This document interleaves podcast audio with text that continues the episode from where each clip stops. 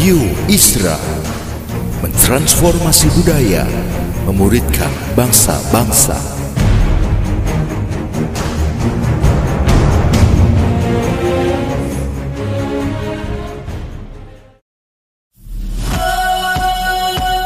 Suara Transformasi Membagikan inspirasi tentang karya-karya memuridkan bangsa dengan nilai-nilai Kristiani dalam berbagai sisi kehidupan. Selamat mendengarkan.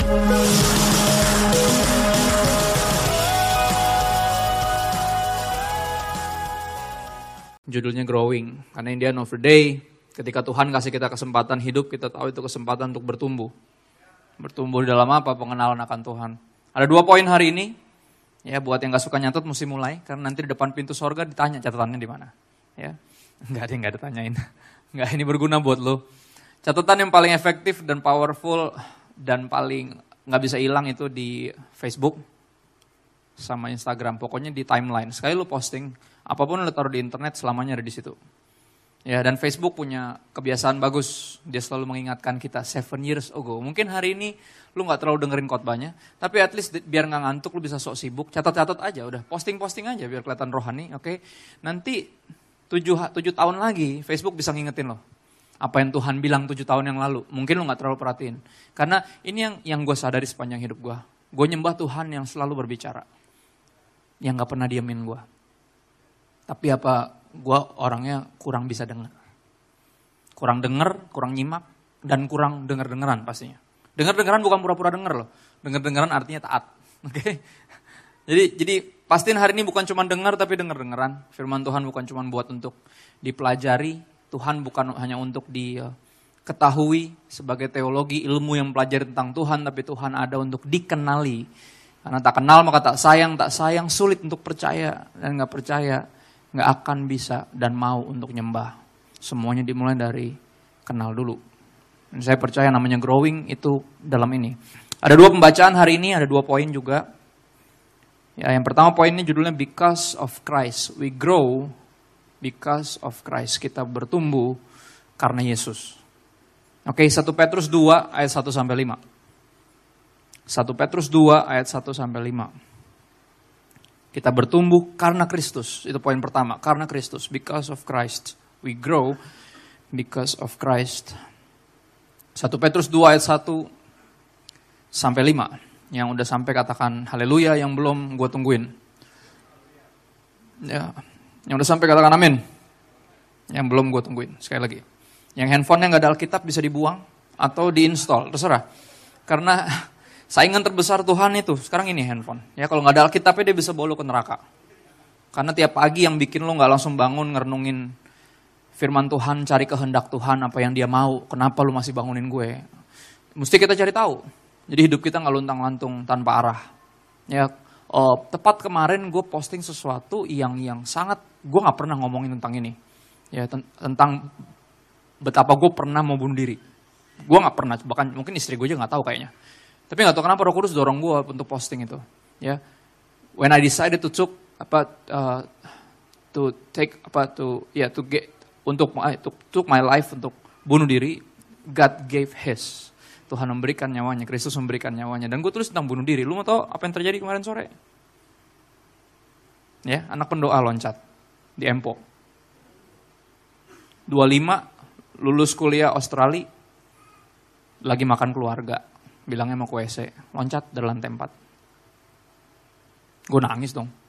Gue lagi mimpin komsel nih. Jadi hari kemarin ada komsel, nah yang termalam juga komsel sama. Namanya Infinite, mereka tersebar di seluruh bagian Jakarta Kemarin gue uh, bagiin di Jelambar, nanti ntar malam di uh, Priuk. Gue dari sini mesti ke Priuk. Lu bayangin gue berdoa sama Tuhan, selalu minta Tuhan gue pengen pintu ke mana saja.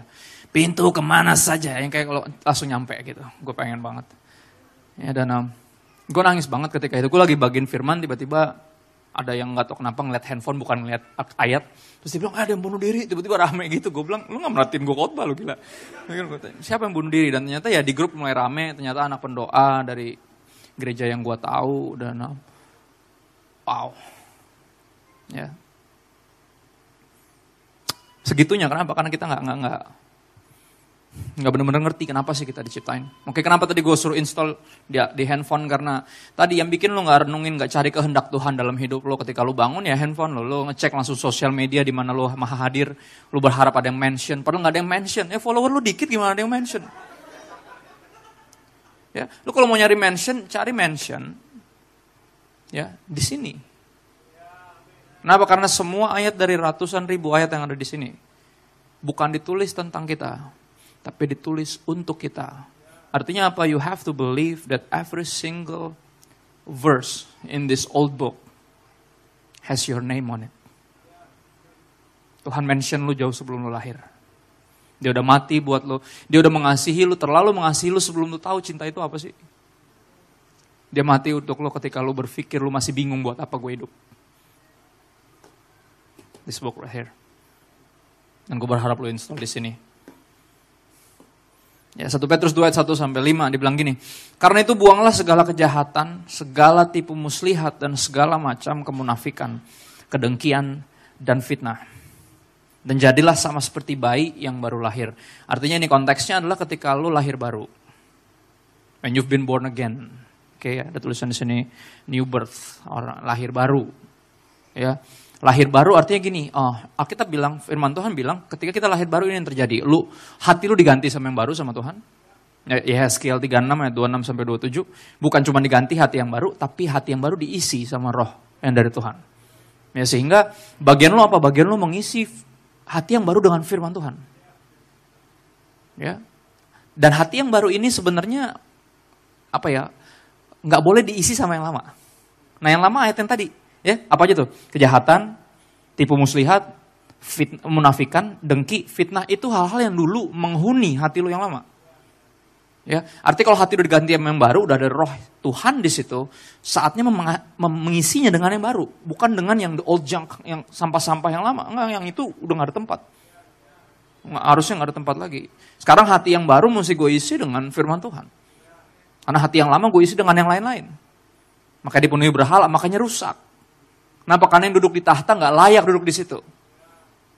Tadinya. Tapi sekarang ada tahta ini kosong, sekarang siapa yang mesti duduk? Yesus. Ada dua tahta yang satu di sorga, satu di hati kita. From my heart to the heavens, Jesus be the center. Kalau di sorga yang duduk Yesus, di sini mestinya yang duduk Yesus. Ya. Nah, berikutnya bilang apa? Jadilah sama seperti bayi yang baru lahir yang selalu ingin akan air susu yang murni dan yang rohani. Ya kita tebak aja. Apa nih penggambaran air susu yang murni dan rohani? Ya, seminggu lebih yang lalu ponakan gue terbaru lahir. Dan ciri-ciri anak bayi baru lahir sederhana, dia laparan. Bukan baperan, baperan orang yang udah kelamaan hidup.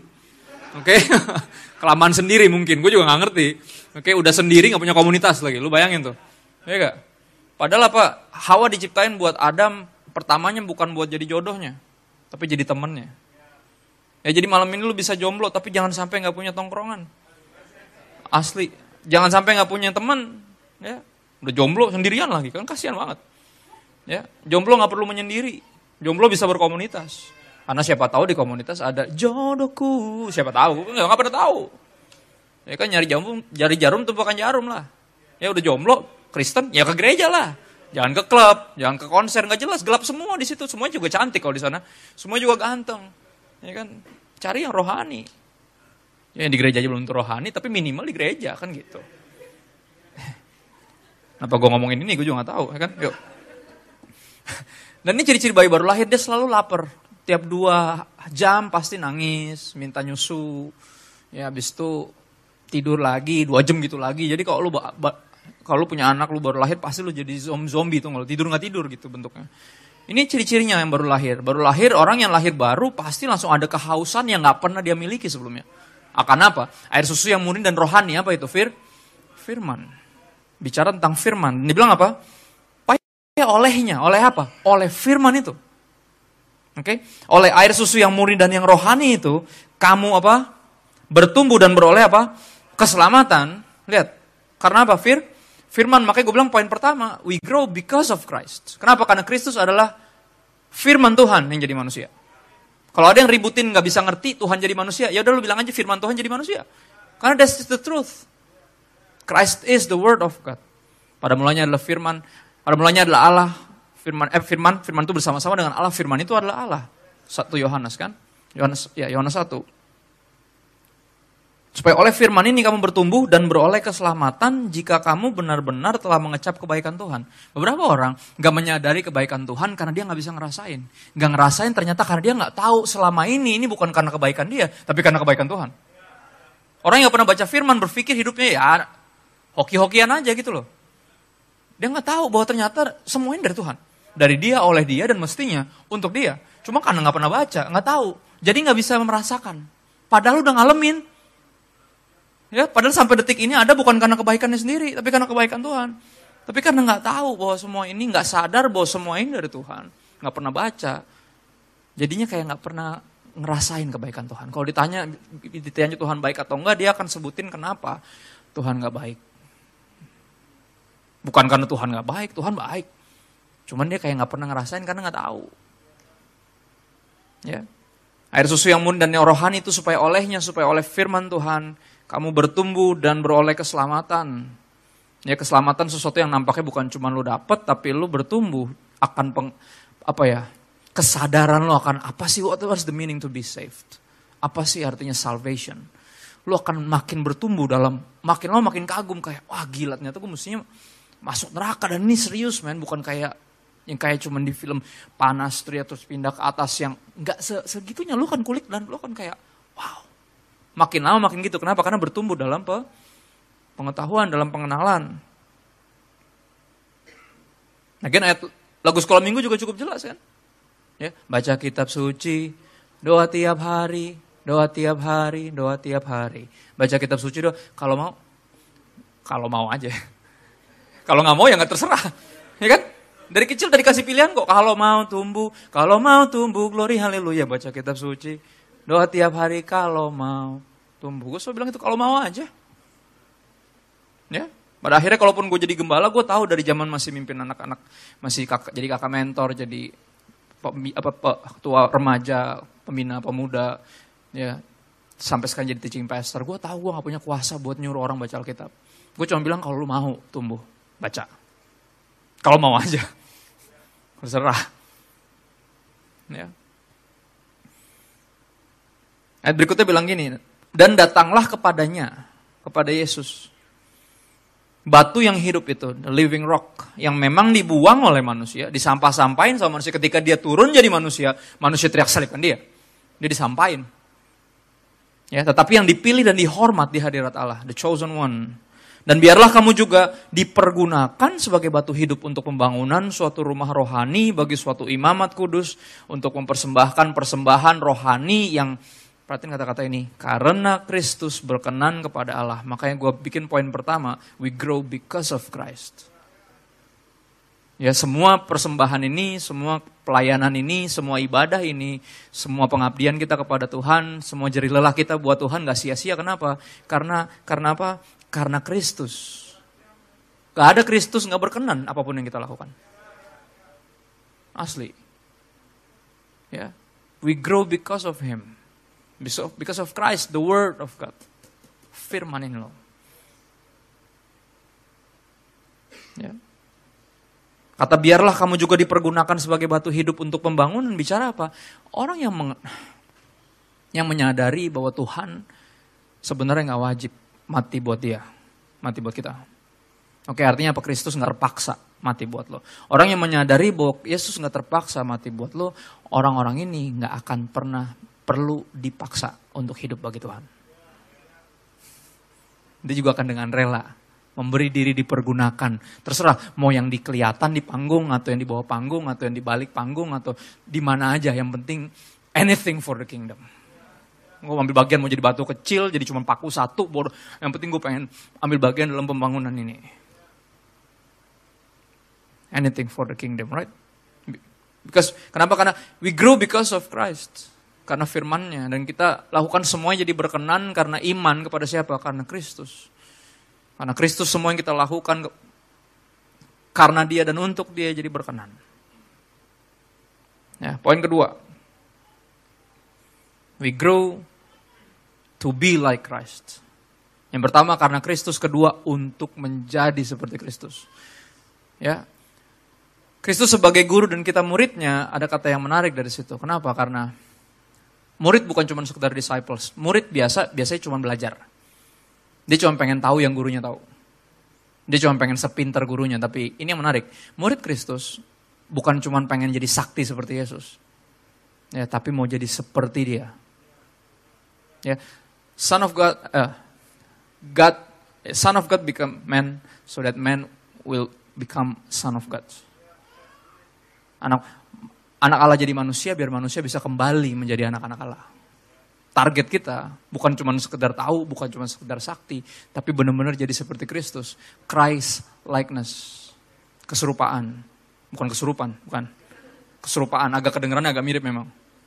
Ya, keserupaan targetnya itu itu. Jadi target orang Kristen percaya Yesus bukan untuk masuk surga. Target, target orang Kristus, Kristen mengikut Kristus untuk menjadi serupa dengan Kristus. Ya kan? Jadi bukan cuma tentang nanti mati ke mana. Ya, tapi sekarang hidup buat siapa? Itu pertanyaannya. Efesus 4 ayat 11 sampai 16 beberapa ayat terakhir. Sorry gue agak ngebut-ngebut karena habis ini mesti kebut-kebutan lagi. Oke, okay. tapi yang penting lu ngerti poinnya dulu. Kita bertumbuh karena Kristus, karena firman. Di luar ini nggak ada. Di, makanya uh, Yohanes 15 ayat uh, 5, di luar aku kamu tidak dapat berbuat apa-apa. Dia bilang apa? Di dalam dia artinya apa? Firmannya. Kita di dalam firman, firmannya tinggal dalam sini. Saling. Jadi lu bukan cuma sekedar ke gereja, tapi lu jadi gereja. Ya kan? Bukan cuma sekedar ke gereja, tapi bergereja sungguh-sungguh. Bukan lu cuma di dalam Tuhan, bukan lu cuma Kristen, tapi dia di dalam lu nggak? Itu pertanyaannya. Ya. Itu poin pertama, tapi poin kedua tentang ini. Targetnya untuk menjadi seperti dia. Efesus 4 ayat 11 sampai 16 dibilang kayak gini dan ialah yang memberikan baik rasul-rasul maupun nabi-nabi. Siapa ia? Tuhan. Ya, baik pemberita-pemberita Injil maupun gembala-gembala dan pengajar-pengajar. Untuk apa semua itu diberikan? Untuk apa? Untuk memperlengkapi orang-orang kudus bagi pekerjaan pelayanan. Jadi, mestinya nggak ada lagi pertanyaan, sorry gue akan pakai kata-kata yang keras ini, tolol, untuk bertanya, kita orang Kristen mesti pelayanan nggak sih? Asli itu pertanyaan tertolol yang pernah gue dengar. Kalau nggak pelayanan terus lu hidup buat apa gue tanya? Menemunin bumi? Nah? Ngerti gak maksudnya? Buat apa lagi? Pakai nanya lagi. Emang semua orang Kristen mesti pelayanan ya kak? Ada pertanyaan setolol itu di DM gue. Gue kayak, pakai nanya lagi. Hmm? Karena ber, ada aja yang berpikir ke gereja sekedar asal-asal ke gereja itu cukup. Ada yang berpikir kayak gitu. Ya, karena nggak ngerti, karena dia pikir itu cuma tentang yang penting gue percaya Yesus. Kan kalau percaya Yesus, nanti kalau mati masuk surga. Itu doang yang dia, dia mikirin tentang mati mulu. Terus jadi hidupnya kagak jelas tau gak? Udah gak penting gue hidup, hidup gue mah gak perlu jelas, yang penting gue matinya udah pasti ke sono. Ya, gini loh, yang gak hidup buat dia, mati gak akan sama-sama dia ke situ, ngaco-ngaco aja loh. Come on, ya gak? Ya kan teman sepen, teman sepermainan iblis di bumi akan jadi teman sependeritaan dia di neraka kan. Lu tahu kan? Iblis kan bakal disiksa kan? Ya gak? Dan iblis lagi nyari teman, makanya dia gak mau disiksa sendiri. Makanya dia tawarin lu semua aja yang bisa dia kasih di sini. Biar dapat teman nanti. Tapi teman sependeritaan Kristus di bumi ini akan jadi teman sekemuliaan dia di sorga, benar gak? This is justice. And just plain truth ini kebenaran yang sederhana. Ya, kayak gini misalnya gini, lu, lu pengen badan lu bagus, tapi lu gak suka olahraga sama doyannya ngemil. Ngerti gak? Cita-cita sama upaya gak nyambung. Ya kan? Hobinya bikin dosa tapi mau ke sorga. Lu tahu, lu tahu nggak mungkin banget gitu nggak? Sama nggak mungkin ini kayak gitu kan? Cuma masih nanya lagi gitu. Kadang masih pelayanan nih kak. Ya menurut Ngana,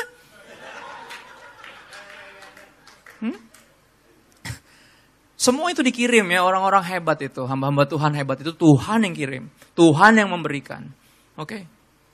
Okay? Kenapa? Untuk memperlengkapi orang-orang kudus bagi pekerjaan pelayanan. Bagi pembangunan tubuh Kristus. Ya. sampai kita semua telah mencapai kesatuan iman dan pengetahuan yang benar tentang siapa anak Allah. Kedewasaan penuh dan ini ayat kita, tingkat para apa? Pertumbuhan yang sesuai dengan the fullness of Christ. In Zain verse right there, the fullness of Christ. Kepenuhan Kristus. Wow. Dan nampaknya semua orang-orang hebat tadi dikirim dalam hidup kita. Diberikan kepada gereja di mana kita ada. Sudah hadir di hidup kita. Buat tujuan ini. Christ likeness. Keserupaan dengan Kristus. Sehingga kita apa? Baca deh. Sehingga kita bukan lagi anak-anak, bocah-bocah yang diombang-ambingkan oleh rupa-rupa angin pengajaran, bocah-bocah labil, itu bahasa gampangnya. Hmm? Oleh permainan palsu manusia dalam kelicikan mereka yang menyesatkan. Tetapi yang kayak gimana? Kita jadi kayak gimana? Tetapi yang dengan teguh berpegang pada kebenaran, itu kita. Dalam kebenaran. Apa ciri-ciri yang tetap berpegang teguh pada kebenaran? Ciri orang yang berpegang teguh pada kebenaran adalah they are in love madly in love. Kayak orang-orang gila. Orang-orang jatuh cinta. Ya kan orang lagi jatuh cinta 11-12 sama orang gila, sama orang bego, sama orang budek. Dia gak mau dengerin siapa pun selain yang dia sayang. Bener gak? Gini, kita gak bisa berhenti bikin dosa. Lo mau tau kenapa? Karena we love sin. We love it. Ini, ini kebenaran yang menyedihkan, tapi ini kebenaran yang juga kaya. Kenapa? Nampaknya kalau kita nggak bisa berhenti berbuat dosa karena kita mengasihi dosa, kita mencintai dosa, kita juga bisa taat karena kita mencintai. Ngerti nggak maksudnya? That's the power of love. Dan untuk tujuan itu kita mengenal dia. Tak kenal maka tak targetnya apa? Sayang.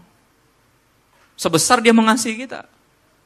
Sehingga dari hati ini nggak perlu dipaksa, well nggak perlu pilih lagu yang lagi ngetren. Dengan apa kan ku balas? Nyanyi itu itu daily soundtrack. Terus bertanya Tuhan lu udah terlalu baik sama hidup gue, gue mesti ngapain? Apa yang bisa gue lakukan untuk membalas kasihmu? Segala kebaikanmu, segenap hatiku. Nggak perlu ada yang paksa. Nggak perlu ada lagu. Lu bisa nyanyi lagu ini hampir tiap hari. You live for this cause. Gue mau balas cinta lo Tuhan, walaupun gue tahu gue nggak mungkin bisa balas. Tapi but but let me do this and that, anything for the kingdom, right? In love, di dalam kasih kita apa? This is our word bertumbuh. Di dalam segala hal ke arah dia lihat targetnya bukan sorga tapi Yesus. Ya, karena? Your presence is heaven to me, right? Di tengah penderitaan lu, di tengah dosa lu, Kristus ada di tengah-tengahnya. Maka dia disalib di antara dua penjahat. Karena cuma ada satu jenis manusia, penjahat. Tapi ada dua, dua macam penjahat. Penjahat yang ngerasa perlu bertobat dan penjahat yang gak ngerasa perlu bertobat. Lu yang mana? Di tengah penderitaan lu, dia ada di situ menderita bersama lo. Your presence is heaven to me. Makanya ketika orang yang di sebelahnya yang tahu diri, yang satunya ngeledekin Yesus, kalau lo emang juru selamat, coba lo turun selamatin diri dulu, terus baru selamatin kita. Yang sebelah bilang, eh diam loh. Kita digantung gara-gara ketololan kita sendiri. Tapi orang ini gak ada dosanya. Lihat, lu masih bisa belain orang di tengah penderitaan lo. Yang gue lebih geli lagi, ini orang di tengah penderitaannya masih bisa ngebully. Sedeng, tau gak lo? Tapi itu kita kan. Kita yang menderita. Kita yang kena masalah. Kita yang hidup dalam kehancuran, kita yang hidup dalam keterikatan, kita masih bisa menghina Tuhan. Gila gak? Bukannya minta tolong, malah ngebully, sedeng. Tapi apa orang ini di tengah penderitaan dia masih ngebelain Yesus? Karena dia tahu yang dia bisa lakukan cuma itu. Dia bisa apa? Tangan dipaku, kaki dipaku, nggak bisa pelayanan, mau main drum mau gimana nggak bisa. Dia tahu hidupku cuma tinggal berapa detik lagi nih. Gue gak mungkin bisa pelayanan, tapi apa yang bisa gue, mulutnya masih bisa dipakai. Eh diam lo, dipakai ngebelain Yesus. Anything for the kingdom. Dan dia bilang apa, kalau lu masuk kerajaan lo, remember me. Lu mau tahu kenapa dia minta diingat? Karena dia tahu dia gak layak diampuni. Gak usah ngampunin gue, gak perlu. Gue tahu gue gak layak diampunin, gue terlalu jahat, but just please remember me when you entered in your kingdom. Ketika semua teriak, kami gak punya raja selain kaisar. Lihat nih, orang-orang beragama. Semua teriak kami nggak punya raja selain kaisar. Agama sama politik dari dulu kayak gini. Hopeng. Dari dulu. Sampai sekarang masih bisa dipakai kendaraan kan? Kendaraan politik. Ada yang nggak pernah berubah, firman Tuhan. Lu baca dari dulu sampai sekarang kayak gitu memang. Ya, alim ulama, tokoh-tokoh agama pada satu teriak-teriak, kami nggak punya raja selain kaisar.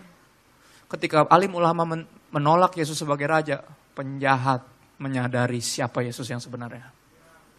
Dia bilang, apa lu inget gue ya kalau lu masuk kerajaan lo? Di mata penjahat ini Yesus raja. Dan apa yang Yesus bilang? Saat ini juga. It's insane, right? Artinya apa? Sorga gak nunggu nanti.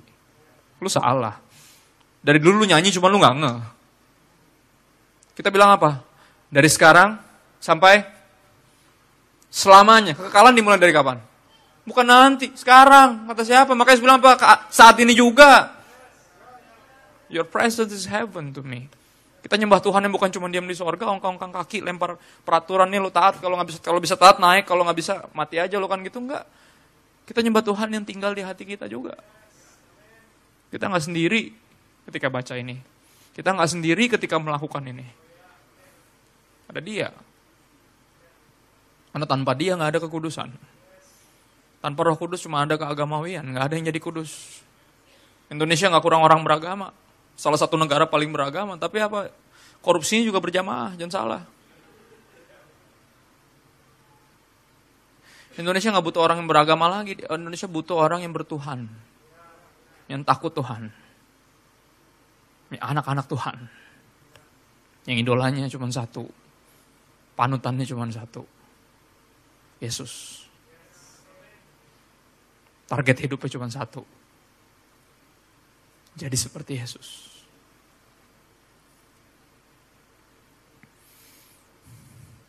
Di dalam kasih in love, we grow. Dalam segala hal ke arah dia Kristus yang adalah kepala. Daripadanya lah seluruh tubuh. Gue suka, ini sebenarnya dikasih garis tengah, artinya lu bisa baca tanpa itu. Lu baca dulu, kita baca dulu tanpa itu ya. Daripadanya lah seluruh tubuh menerima pertumbuhannya dan membangun dirinya dalam kasih. Detailnya apa? Seluruh tubuh yang mana? Yang rapi, tersusun, dan diikat menjadi satu oleh apa? Pelayanan semua bagiannya, sesuai dengan kadar pekerjaan tiap-tiap anggota. Setiap kita punya talenta yang unik, setiap kita di wired this way, kita itu one of a kind. Semua kita. Dan yang menarik, unity hanya bisa dicapai ketika setiap anggota melayani. Yang ini nggak perlu sibuk buat jadi seperti itu. Yang ini cukup sibuk jadi dirinya sendiri. Dan lakukan bagiannya. Biar yang itu lakukan bagiannya, jadi dirinya sendiri. Semuanya cita-citanya satu, mau jadi kayak Yesus. Terinspirasi boleh, tapi gue akan selalu bilang idolain jangan deh. Karena dia yang lu idolain akan one day you are demonized. Siapa yang lu idolize will one day you're demonized. Bener gak? Contoh Ahok. Gak usah jauh deh. Iya gak? Tiba-tiba udah jadi kayak salah satu rasul di Alkitab, perlu bukan? Karena kita idolain, tiba-tiba dia cerai, terus merit lagi, langsung semua kayak hehehe, pada kepahitan, pada bingung, pada pada kayak, lihat gak? Tadi yang didolain, digila-gilain, lama-lama oh, gila nih orang, kan gitu. Emang. Lihat gak contohnya? Artinya apa? Kita mesti punya idola cuma satu, Yesus. tujuan hidup kita cuma satu. Seperti Kristus. Kalau dengan gue lebih punya banyak duit jadi seperti lebih seperti Kristus, ya so be it, biar gue banyak duit. Tapi kalau dengan gue struggle di finansial, dengan gue punya kelemahan tubuh, gue jadi semakin seperti Kristus, ya biar juga karena targetnya adalah seperti Kristus. Kaya miskin sakit sehat susah senang nggak terlalu ngaruh. Yang penting gue jadi seperti Kristus. That's the goal, the sole goal of my life. Tujuan satu-satunya hidup gue seperti Kristus. Karena itu itu dia itu arti Kristen kan. Pengikut Kristus bukan pengikut Kristo.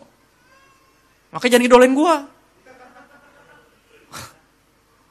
ya kan? Kayak kurang kayak kurang pengalaman aja lu ngidolain satu artis rohani terus dia jatuh terus lu kepahitan. Kayak nggak cukup banyak gitu kepahitan. Hmm? Karena apa? Kita hanya bisa bertumbuh di dalam kasih, men, Come on. In love, we grow. Kita bertumbuh dalam kasih ke arah dia. Yang adalah kepala. Kenapa? Karena kita tubuhnya. Ya, dua poin gue ulang. And I'm out of your way. Oh, musisi main lagu sedih boleh? Biar gue terdengar lebih rohani mungkin.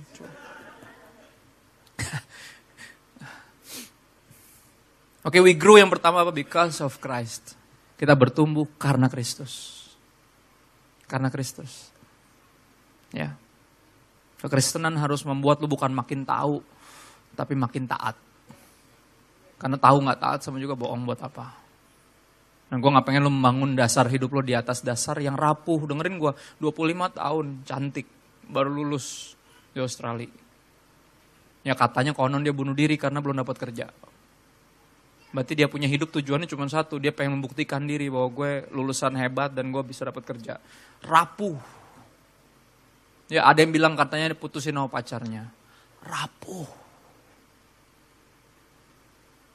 Asli, jadiin Kristus dasar. Firman. Ingat, yang bangun di atas pasir, orang yang dengar firman tapi nggak dilakukan. Yang bangun di atas batu, orang yang mendengar firman dan melakukannya. Sekali lagi, kita bukan baca, kita tahu cuman untuk tahu doang kita baca, kita mengenal. Sehingga pengenalan ini akan membawa kita jadi apa? Jadi pelayan. We grow because of Christ.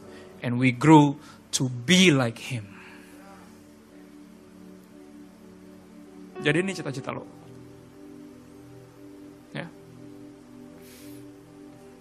Satu gelang zaman dulu yang gak pernah gue lupa. Tulisannya WWJD. What would Jesus do?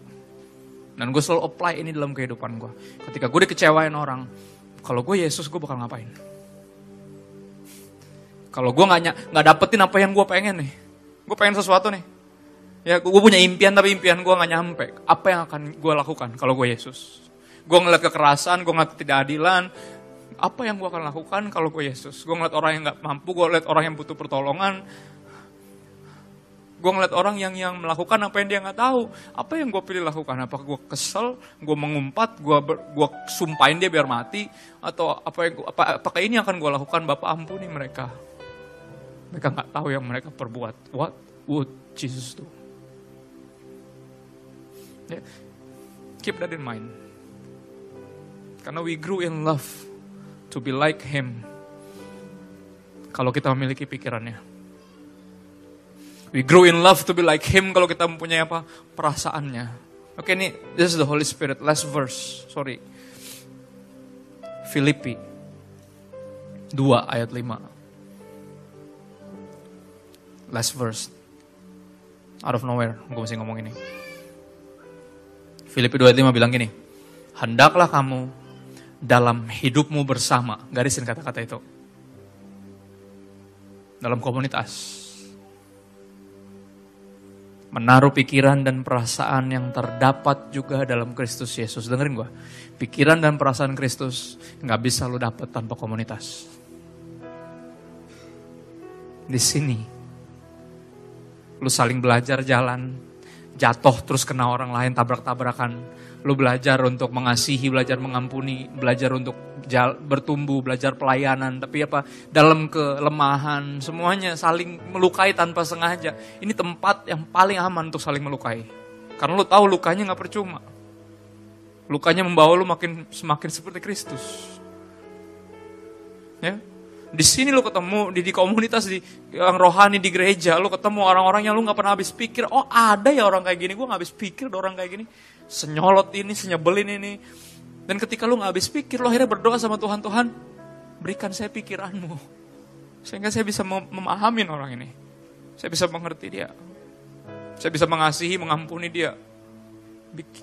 Biar saya habis pikir, karena gue gak habis pikir ada orang kayak gini nih. Ya.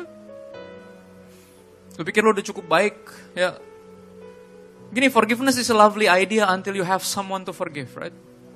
Pengampunan itu satu ide yang menarik kata C.S. Lewis sampai lu harus mengampuni. Tapi ketika lu nggak bisa mengampuni, lu tahu lu butuh apa? Hati Kristus, right? Ubah hatiku. You sing because you know this is your plea. Ini keinginan lu Tuhan, gue pengen bisa ngerasain yang lu rasain. Gue pengen bisa ngampunin kayak lu. Hmm? Gue pengen gue pengen bisa ngelihat kayak lu biar mataku. Lagunya begitu kan? Ya, Gini, ketika kita mau ngampunin orang, kita langsung ngecek mata kita, mata yang lama, kita langsung lihat gini, ini orang gak layak diampunin. nggak tahu terima kasih. Abisnya juga paling dibikin lagi. Lihat, kita pakai kacamata kita yang lama. Coba deh ketika lu berpikir, karena analisa lu lihat orang gak layak diampunin, coba lu renungin. Bahwa lu juga gak pernah layak diampunin.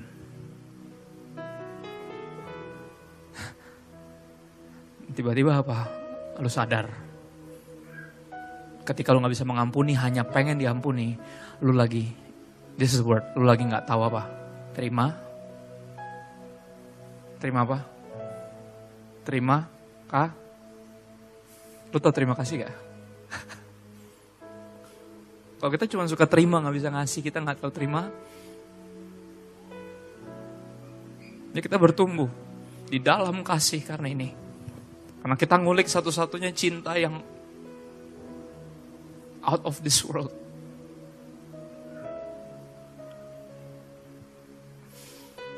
Cinta yang bukan hanya menerima apa adanya, tapi cinta yang mengubah kita menjadi seperti dia. Unik loh. Ya, cinta emang menerima orang apa adanya, tapi cinta sejati nggak akan membiarkan orang itu terus apa adanya. Cinta sejati akan mengubah kita. Ingat, we grow because of him and we grow to be like him. Itu artinya lu nggak menyia-nyiakan cinta itu. Kulik deh. Asli. Kalau mau tumbuh, kalau mau aja, terserah. This book changed my whole life. Makanya gue masih ke mana-mana bawa buku ini, ke mana-mana gue ceritain apa yang gue tuh baca di sini. Di sini gue ketemu dia. Dan gue gak sama lagi. Dan gue berharap lu berjumpa sama dia. Ya, don't waste your life. You better lose your life than to waste it. Mendingan lu kehilangan hidup lu karena Yesus dan karena Injil daripada menyia-nyiakan hidup lu. Ya, don't waste your life.